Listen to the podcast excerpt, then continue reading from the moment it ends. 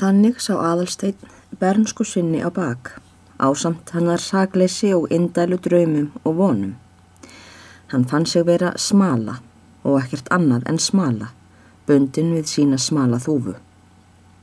Hann eigraði með ám sínum heim á kvöldin til þess að fara með þeim aftur á morgnana.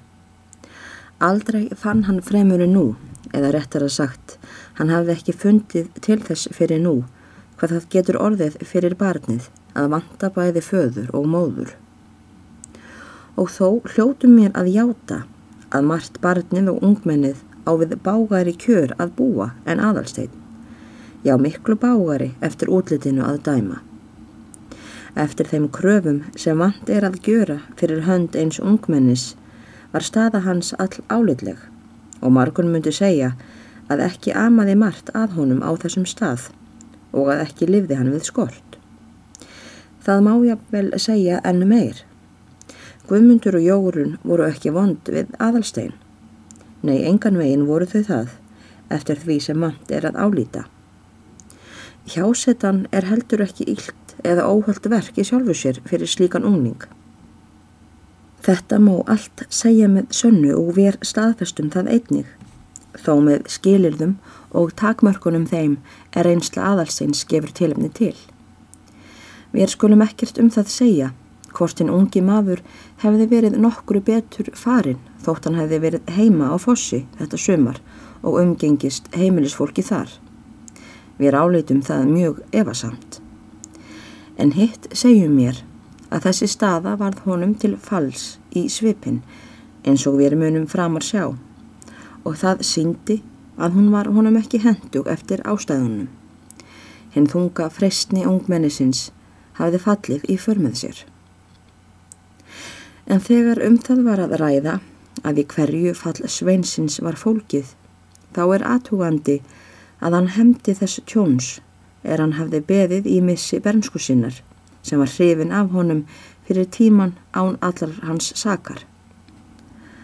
Hann hefndi þess að hann var rekin ómiskunsamlega út úr paradís sakleisinsins með því að hann var látin heyra því lík orð og atvik sem hann var ekki þroskaður til að heyra og þess hefna öll ungmenni sem slíkt reyna fyrir það síðar.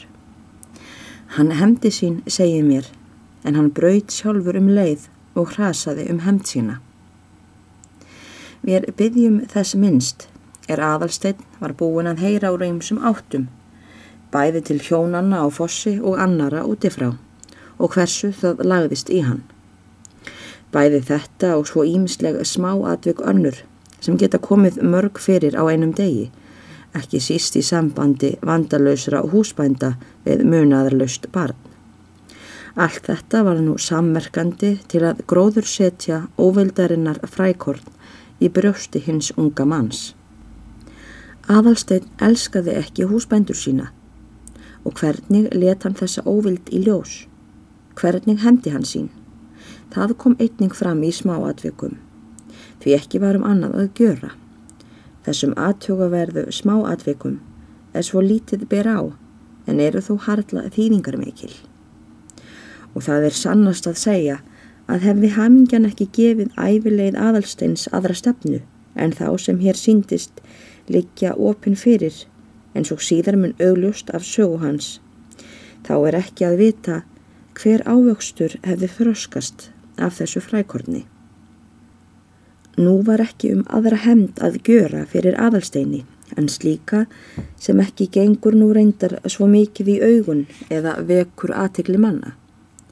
Nei, það var einungis viðmót er hann syngdi stundum í nærveru húsbænda sinna Það var svipur og það voru enda svör þannig löguð að góðum sinni myndi ekki hæfa að bjóða foreldrum sínum slíkt.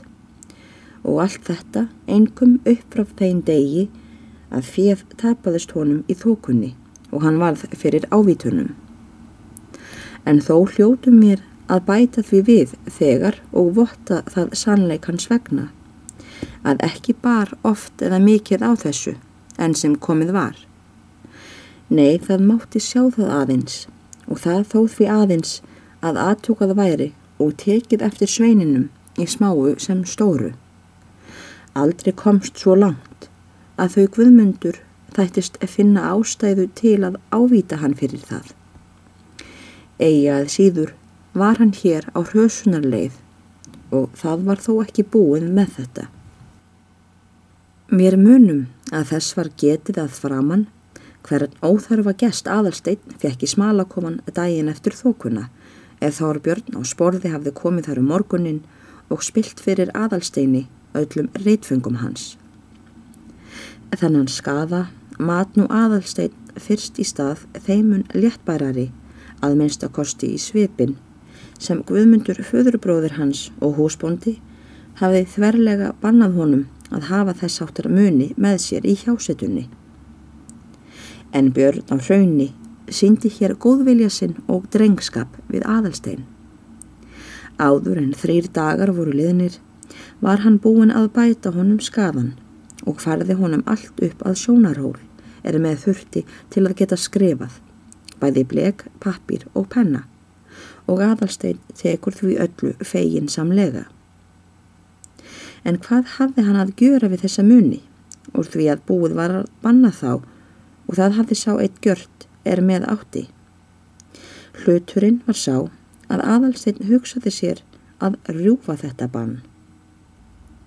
Hann let að sönnu ekki framar fyrir berast í smalakofanum þegar hann satt við námsitt, því að reynslan var búin að vara hann við því. En hann færði lestrasalsinn úr kofanum upp á hólinn og þar satt hann nú dag hvern, las og skrifaði hvernær sem veður lefði og hemdi sér nú á brotareikningnum er hafið dreyið að honum ólánsu þókuna. En aldrei glemdi hann sér tíðara ný ám sínum og aldrei vantaði hjá honum oftar um sumarið. Svo að húsbændunum var ekki hægt að átelja framar þar sem skildurækt aðalsteins síndist fara batnandi og var þó merkilegt að svo skildi sínast í sömu andráni sem hann þó einmitt rasaði í fyrsta sinn á æfinni. Við höfum nú nefnt þetta fall hinnar ungu hetjuvorar og er svo í raun og veru þar sem hann bersýnilega breytti eftir innblæstri óvildar eða óhlýðni en við erum vonum að það sjáist síðar.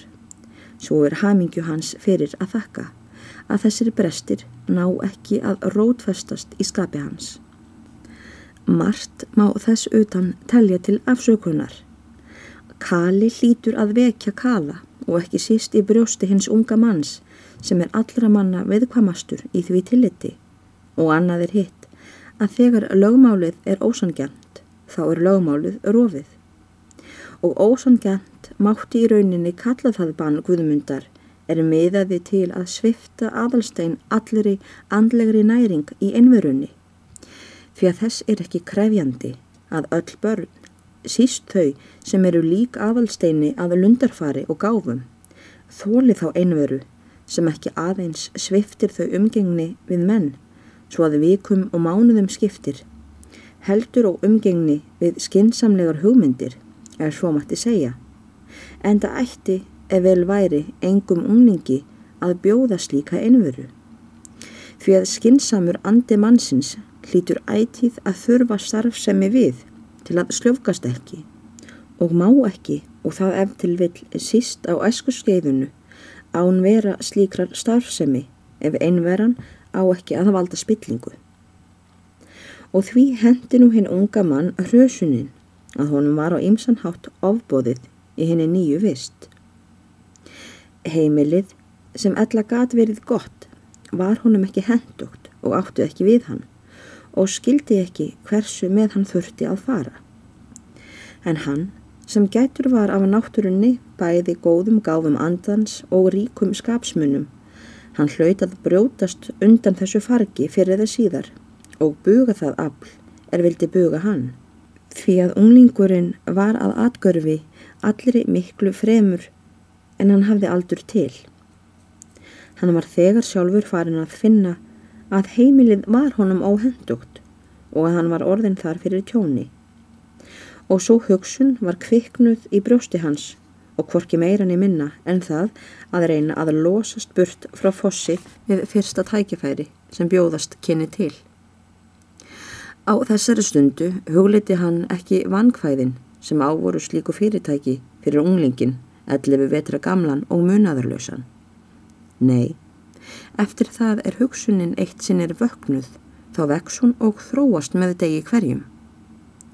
Þannig eigðir aðalsteinn stundum sínum í hjásetunni, þungbúin í huga og brítur viljandi lestrarbannið, en kemur heim með allt fjöð á hverju kvöldi. En hugurinn þráði fund Sigurbjörgar á neðstabæ.